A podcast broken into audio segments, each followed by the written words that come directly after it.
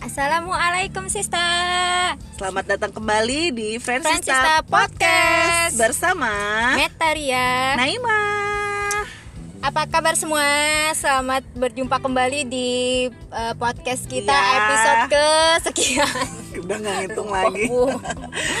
Semoga semuanya baik-baik aja kabarnya ya, Iya. sehat selalu, bahagia selalu. Amin Oke, hari kita mau ngomongin apa nih, Matt? Hari topik kita hari ini kita bakal ngomongin tentang mind blowing Tuh, apa sih mind blowing itu?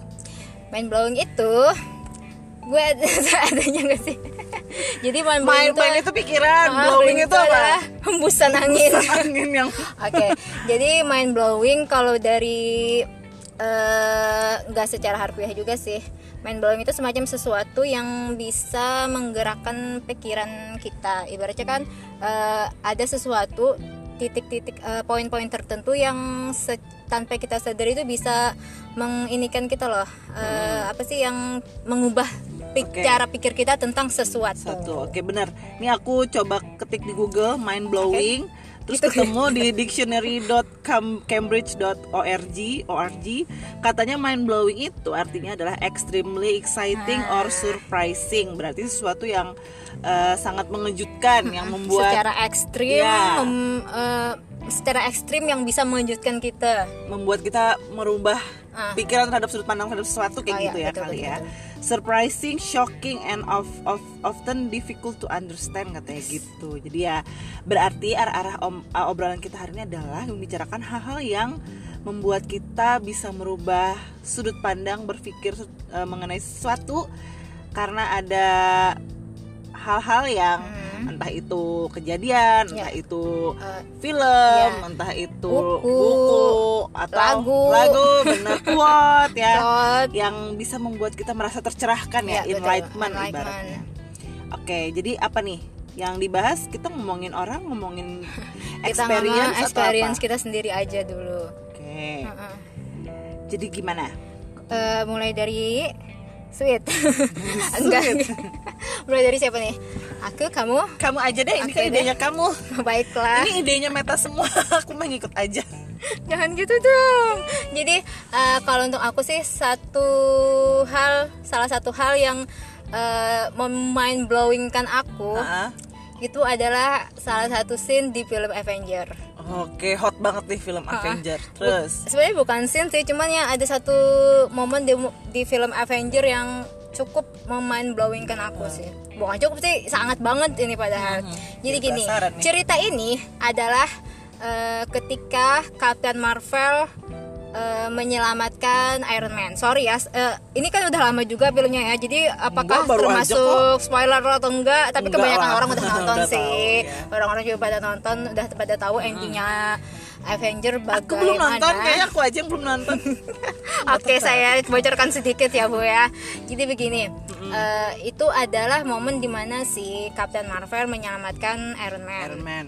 Jadi kan Iron Man itu di ceritanya dia kan di film Endgame ini terdampar di luar angkasa mah. Ah. Kan ada musuhnya tuh Thanos. Ya. Thanos itu kan dia menghilangkan separuh dari populasi bumi, Bumi. bumi aja gitu kan. Jadi dia ini waktu itu sedang berada di luar angkasa Ngapain dia di situ? eh, ada misi gitu kan pokoknya misi misi misi mengalahkan Thanos gitu juga kan jadi dia terdampar di luar angkasa Eh, teman si Spider-Man hilang. Oke. ya oke itu kan bocoran film sebelumnya. Ah. si Spider-Man kan hilang jadi si Iron Man ini dia terdampar di luar angkasa terus pesawatnya rusak dan dia tuh udah sudah menuju ibaratnya dia udah pasrah pakai ma- bakal meni- mati meninggal gitu kan. Sudah bikin surat wasiat juga. Bukan surat wasiat sih pokoknya bikin eh, pesan dan pesan ke istrinya ke Miss Miss Pot kalau yang eh, bla bla bla bla gitu kan kalau dia meninggal udah eh nggak taunya eh, berhubung Iron Man masih ada umurnya. Tapi tapi dia akhirnya mati kan ya? Heeh, tapi ntar dulu lah itulah. Oke. Heeh, jadi kan eh, ternyata datanglah si Captain Marvel yang menyelamatkan Iron Man. Jadi Iron Man ini diselamatkan dan dibawa kembali ke bumi. Dan kita tahu kan hero nya dari film Avenger in Endgame ini kan Iron Man. Heeh.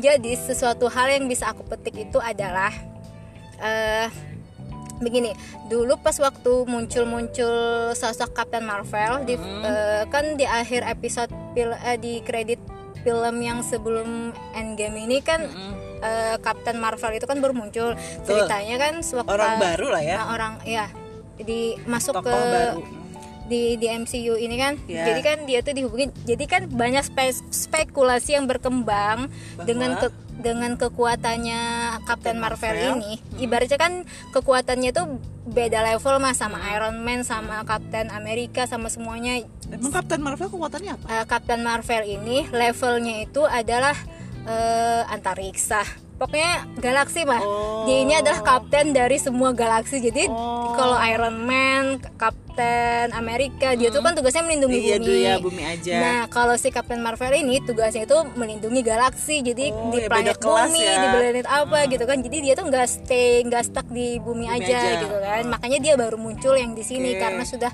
ibaratnya udah parah banget tuh loh kejahatan yang dibikin sama Thanos, musuhnya Thanos, itu. Jadi waktu kemunculan Captain Marvel ini banyak spekulasi yang berkembang bahwa Captain Marvel inilah yang bakal menyelamatkan bumi dan menghancurkan Thanos. Bahkan kucing-kucingnya yang oranye itu pun Heeh. di siapa sih namanya ya lupa. Kucingnya orang itu pun bakal di eh, Flacker itu kan dia itu Iya, kan Flacker, hmm, dia itu kan eh, bentukannya kucing cuma sebenarnya monster. Iya. Nah, dulu kan dikira eh, dikira kucing dia ini pun bakal ber ini ya, bakal meng- berpengaruh ibaratnya bakal ikut-ikutan ngebasmi Thanos lah. Kenyataannya kan yang jadi hero siapa? Yang jadi hero nya justru Iron Man kan. Iya. Jadi pelajaran yang aku bisa kupetik itu adalah gini loh. Mm-mm. Eh, kadang kita itu berspekulasi. Oke, kita tarik ke kehidupan nyata. Misal nih, misal gue aku nih ya di keadaan sekarang ya eh, sedang terpuruk atau sedang gimana. ya Terus ada muncul orang baru di Heeh. kehidupan. Orang baru ini bisa dampaknya negatif, bisa dampaknya positif. Heeh. Eh, anggaplah eh, misal aku lagi sedih terus ada orang yang membawa kebahagiaan ke, ke, ke kehidupan aku orang baru kan aku yang lagi sedih kan otomatis senang tuh tuh senang oh sama orang baru nih. Terus aku tuh stuck dengan orang baru tersebut merasa kebahagiaan aku tuh bersumber dari dia. Ah. cuman kita tuh nggak pernah tahu apa yang akan terjadi di masa depan. Oke. Benar kan? Tuh kita nggak pernah tahu seberapa jauh takdir kita bersama orang itu. Betul. seberapa jauh Tuhan ibaratnya yang dia bersama kita tuh kita nggak jadi dalam tahu. gini ya? Makanya makanya banget gitu. Tapi kita tuh juga pernah tahu eh, seberapa jauh takdir kita bersama orang ini betul kan? betul betul. Bisa jadi kita bakal berakhir lama dengan orang tersebut Ah, bisa atau jadi cuman justru orang ini sekelumit cuma kisah aja. sekedar lewat doang gitu kan? Nah Betul. yang jadi battle di dalam diri kita itu adalah seberapa kita bisa bergantung dengan orang tersebut. Ya Nah, justru di sini aku tuh belajar gitu loh kayak eh, ke- misalnya eh, di film ini kan orang berspekulasi kembali ke Captain Marvel tadi ya. Aha. Kembali orang berspekulasi bahwa Captain Marvel akan yang menyelamatkan. jadi ini. hero nya Tapi kan justru kebalikannya malah Iron Man. iya betul Nah, perannya si Captain Marvel ini Heeh. dia itu adalah menyelamatkan orang yang akan menyelamatkan bumi. oke oh ya I see benar benar Nah, gitu kan. Jadi eh, jadi kan kembali dia menyelamatkan Iron Man yang Karena mana Iron Man. tugas Iron Man yang ini Mhm. yang sebenarnya nyelamatin bumi benar anggaplah itu sebuah takdir gitu kan. Oke. anggaplah itu takdir bahwa sebenarnya takdir Iron Man Iron Man lah yang ditakdirkan menyelamatkan bumi. Nah begitu juga kita gitu loh. Maksud aku eh, kembali ke, ke ke kehadiran orang baru orang itu tadi lah anggaplah begitulah.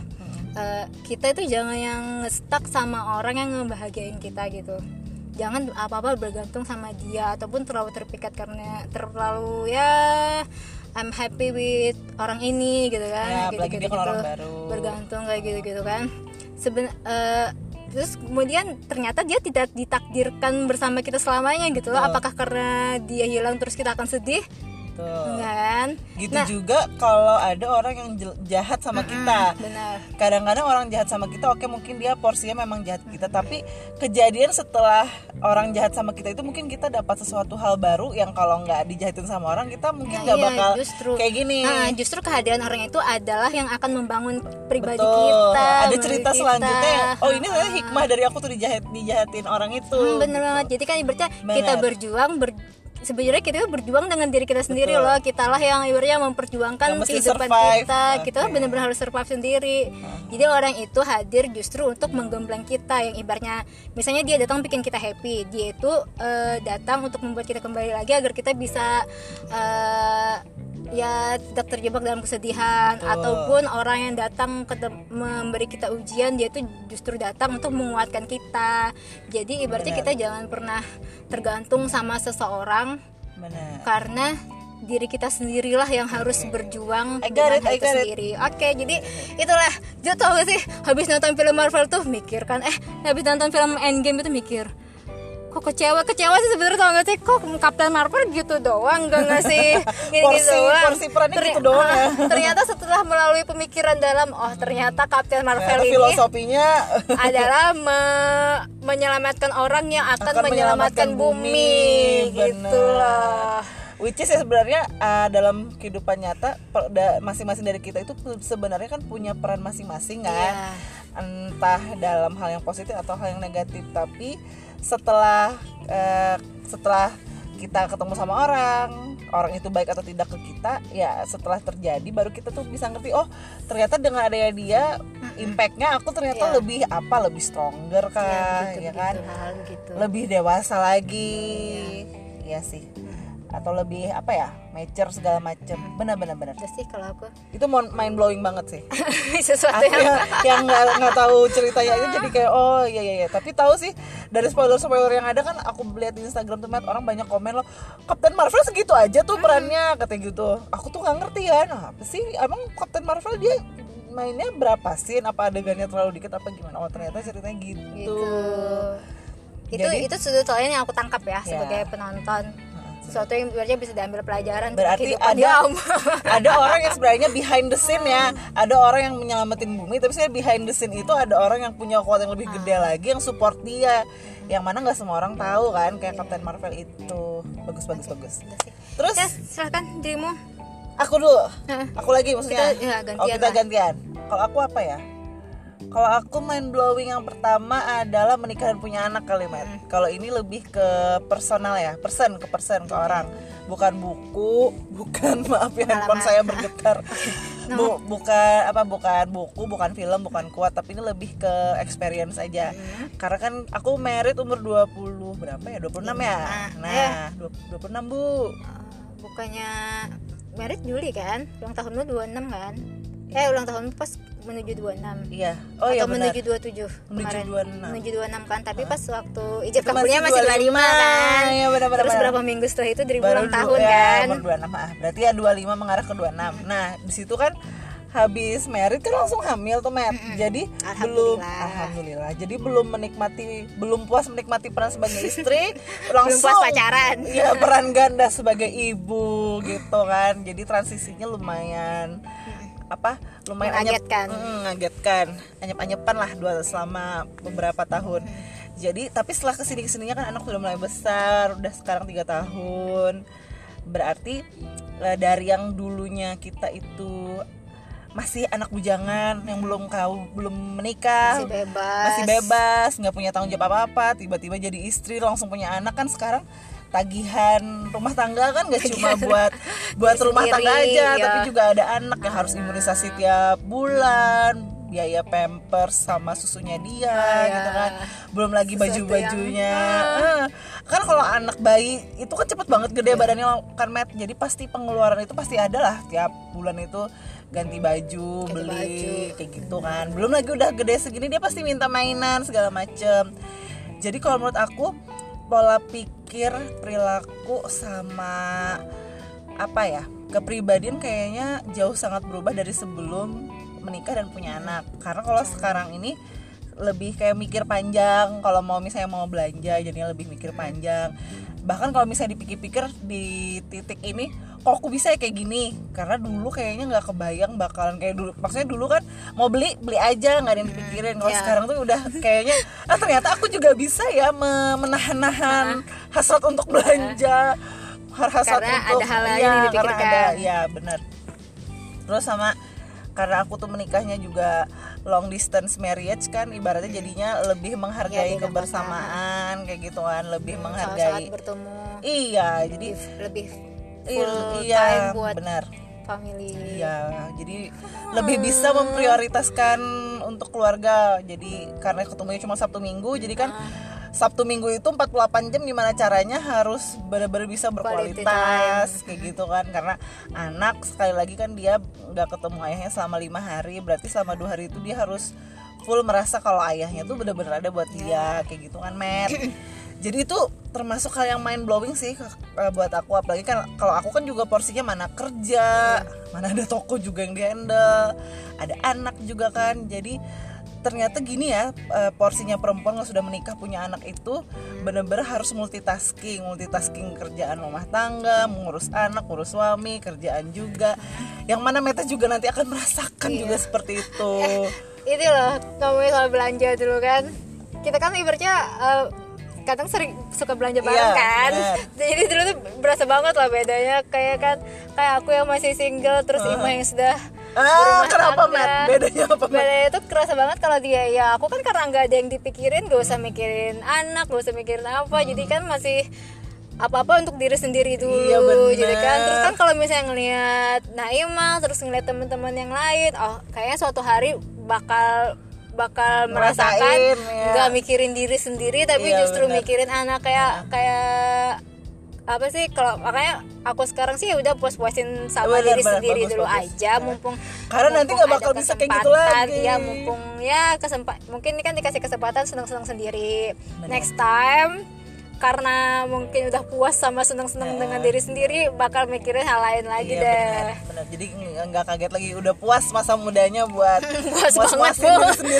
puas banget bu. Ya syukur aja ya. iya puas banget bu. Alhamdulillah. Jadi maksudnya apa ya? eh, Letak mind blowingnya itu adalah dulu itu kayaknya nggak kebayang ternyata bisa bisa juga eh, mak multitasking kayak emak-emak lainnya. Ternyata seiring di seiring hari berjalan oh ternyata memang perempuan itu memang udah kodratnya pasti bisa multitasking.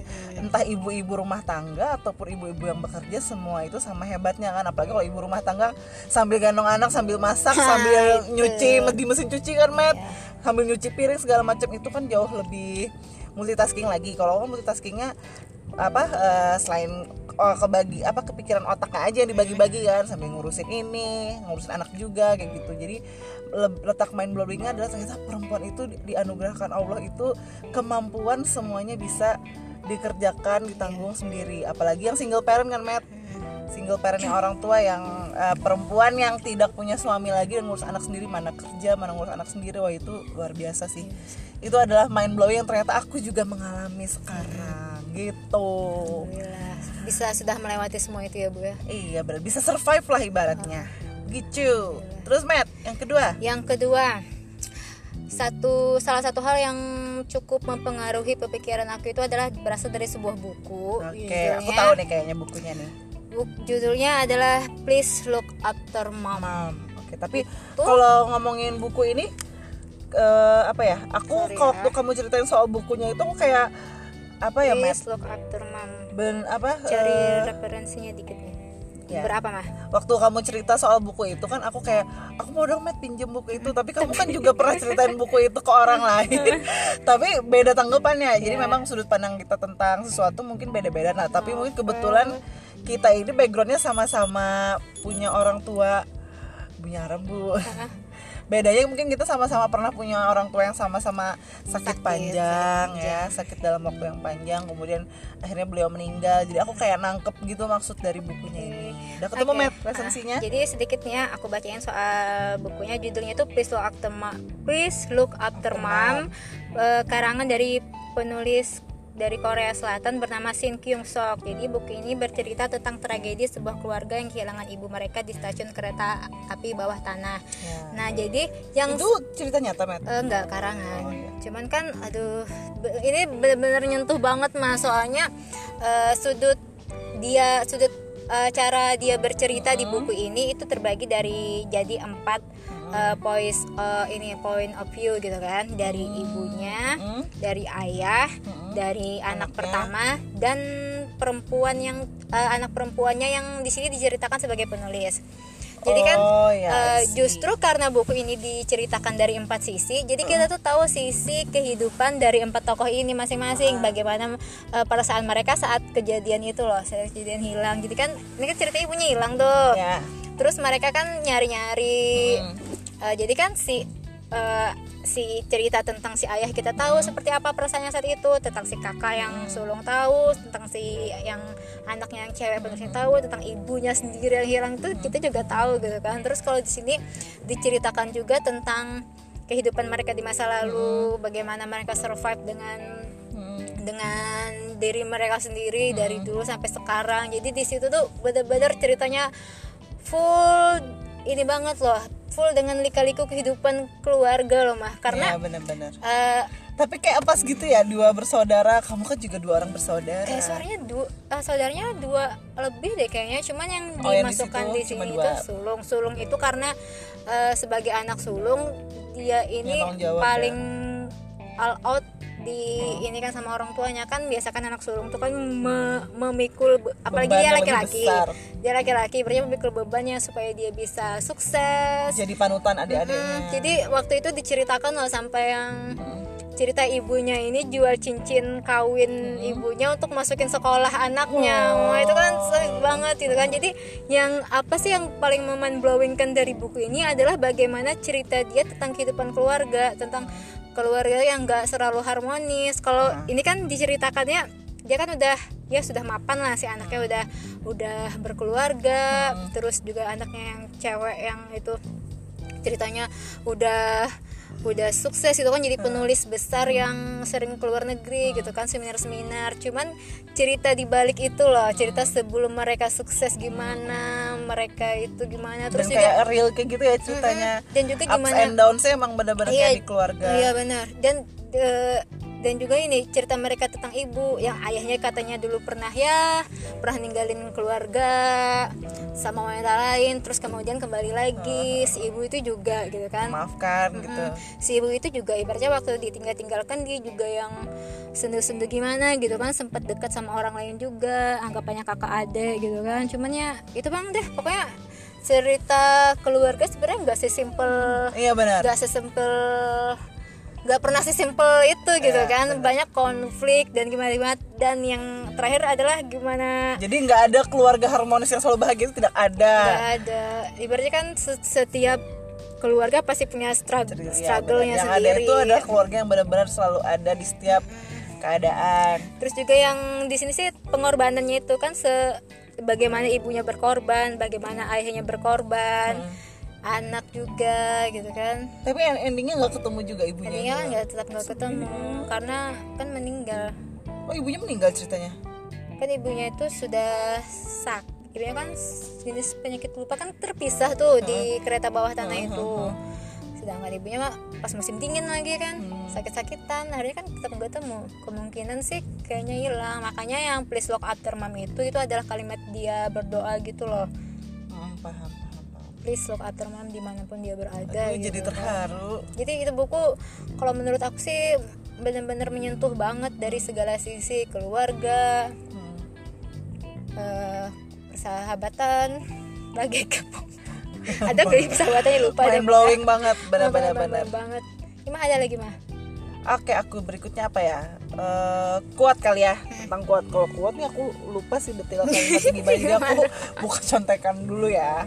Kalau tadi itu eh, keluarga ya, pasangan dan anak. Nah, yang bikin aku mind blowing berikutnya adalah quote. Quote ini tentang eh, statusnya teman kita ibu notaris Oh, kita. Dia Oh, yang pernah kemarin. majang quote ini di WhatsApp statusnya dia dan kebetulan aku bacanya pas mau tidur jadi menun- menunjang sekali dengan suasana malam gelap gulita gitu lah ke bawah mimpi gak tuh enggak sih nah jadi jud- eh, quote-nya itu kayak gini eh, semacam kayak obrolan eh, antara antara d- di seseorang dengan Tuhannya gitu. Jadi quote-nya itu judulnya maaf. Terus katanya mi titik dua Tuhan siapa yang harus kumaafkan? Terus katanya di sini lagi God titik dua berarti katanya Tuhan menjawab maafkan masa lalumu maafkan siapa saja yang pernah membuatmu menangis dan maafkan semua orang yang pernah membuatmu membenci dirimu sendiri Nah, aku langsung merasa tertohok, Matt. Karena- Karena aku selalu merasa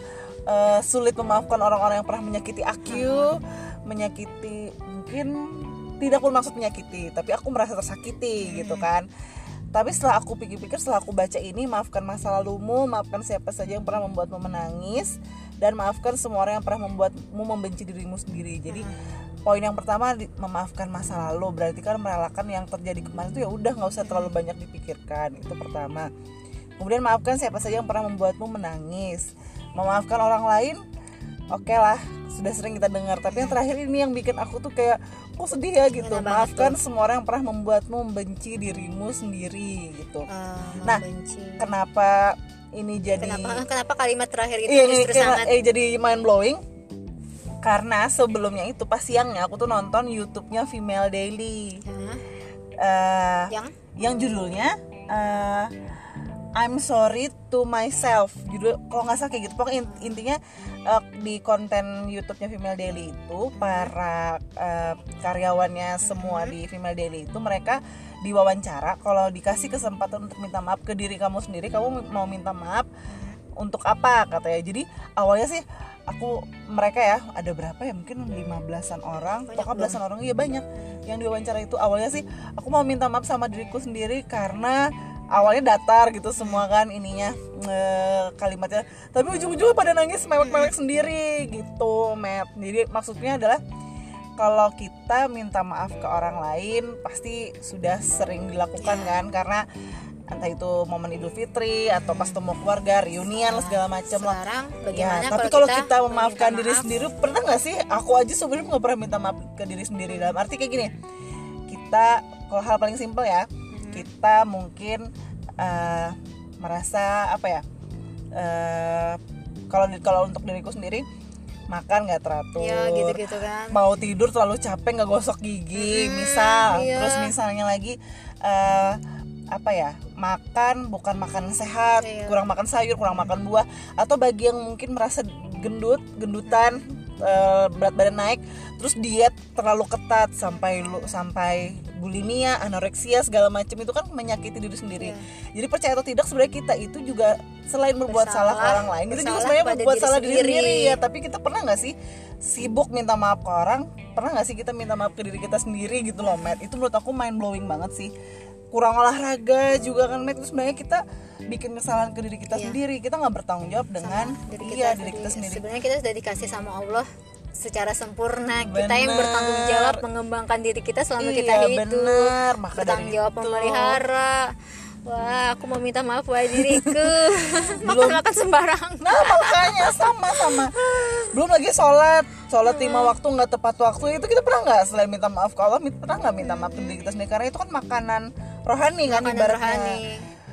Terus makanan batin. Iya, nggak nggak sering dengerin ibarat nggak ikut pengajian, nggak ikut ceramah di TV. Artinya kita cuma ngasih makan jasmani fisik, ya ha? secara fisik, tapi jiwa kita kan kosong kayak gitu ibaratnya. Sibuk kita beli baju baru, baju yang bagus, jilbab bagus. Emang kita ngerawat Men- di- diri yang di dalam kan? Itu sih menenggelamkan diri dalam kesetresan juga Iya, salah bener. satu bentuknya kita harus minta maaf Itu Karena secara- banget sih. Iya sih karena secara gak langsung eh, ini ya bikin stres diri sendiri justru bikin memancing-mancing penyakit. Nah iya, bener. Padahal kita kan masih muda itu berasa banget sih kalau aku Hmm, ti- tidur begadang Iya. udah tahu besok pagi harus kerja tapi malah masih suka begadang gitu padahal kan harus kita tuh kan semua juga tahu kan tidur harus cukup makan teratur makan itu harus 4 sehat 5 sempurna. Tapi kenyataannya mana sih yang benar-benar diaplikasikan gitu? Olahraga juga enggak.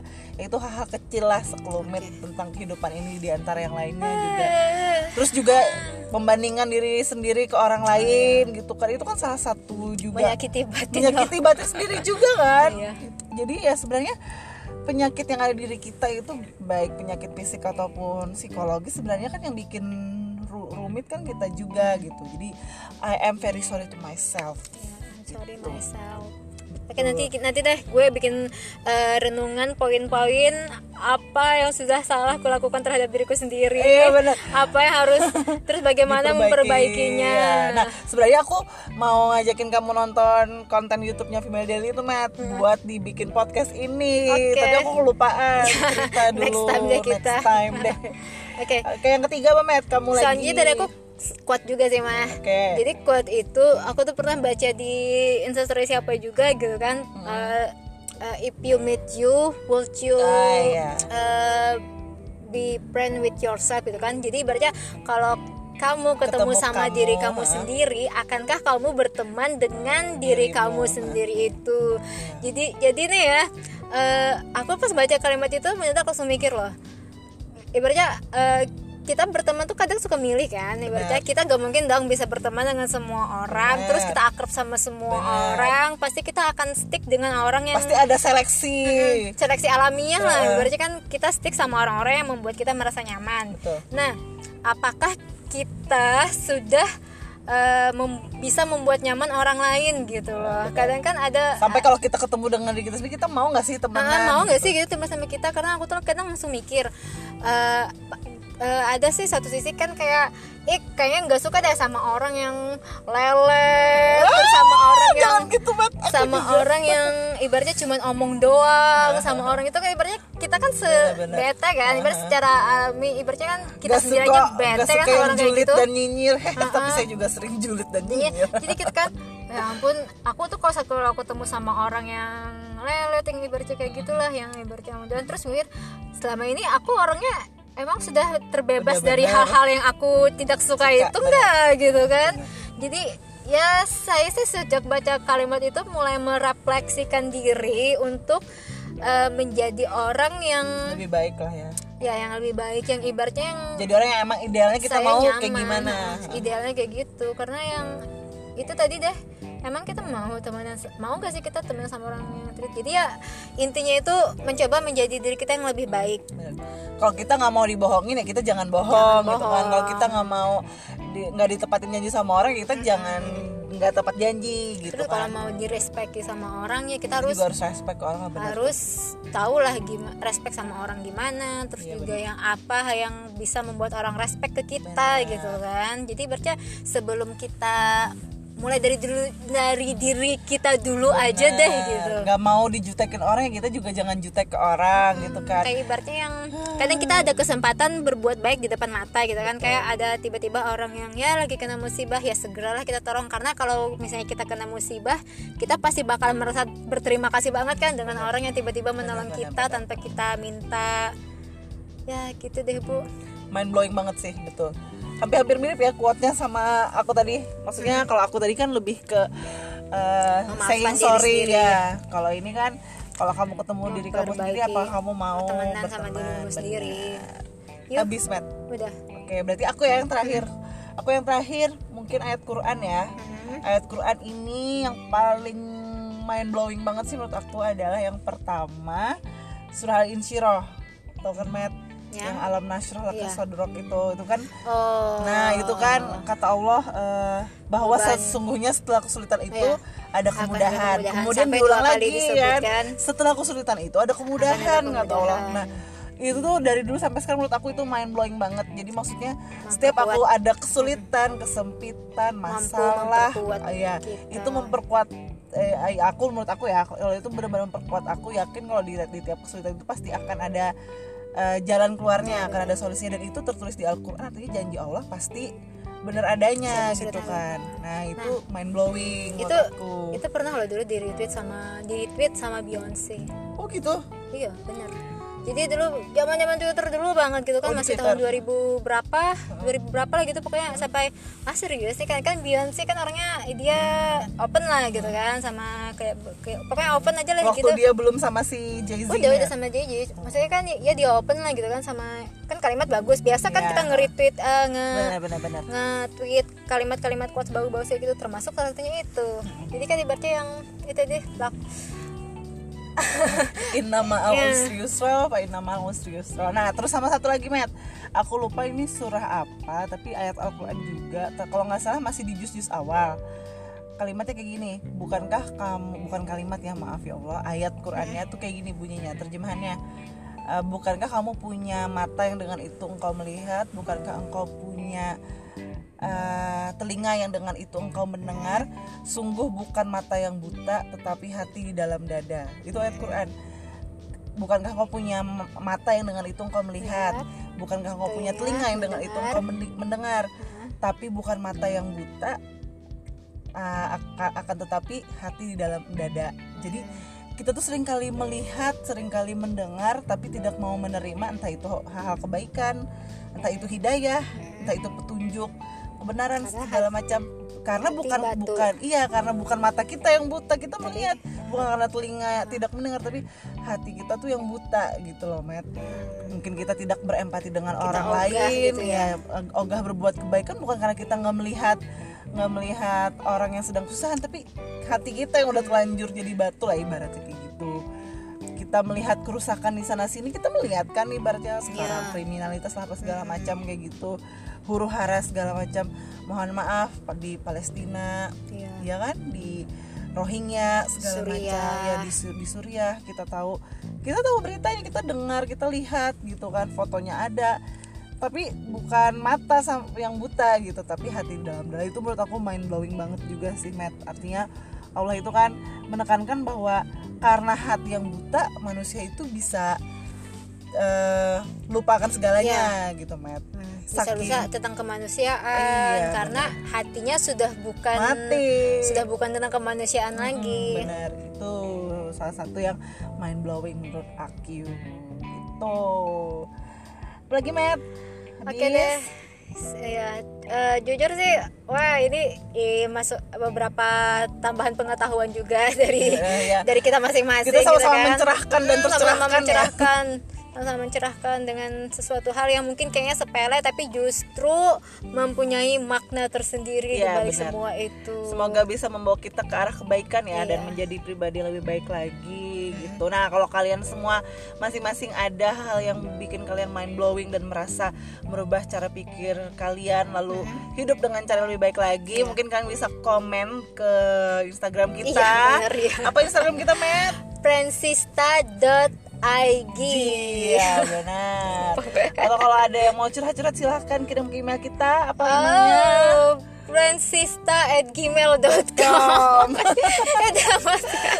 Eh, Tolong disupport ya dan teruslah dengarkan podcast kita sebagai bentuk support kamu ke kita. Iya. Kalau ada saran silahkan aja ketik-ketik di kolom komentar komen Instagram dan kita. iya silakan Sa- jadi udah eh, sampai sekian Iya, sampai udah. di sini dulu eh, perjumpaan kita Obrolan kali kita ini. hari ini. obrolan kita kali ini semoga bisa bermanfaat dan diambil hikmah dari Amin. pengalaman Semoga kita ya. hari ini ya Oke. sobat sobi sobat sobi oke friends Sista. Sista, sampai ketemu di podcast kita selanjutnya. Oke, Wassalamualaikum. Warahmatullahi. Bye. Wabarakatuh.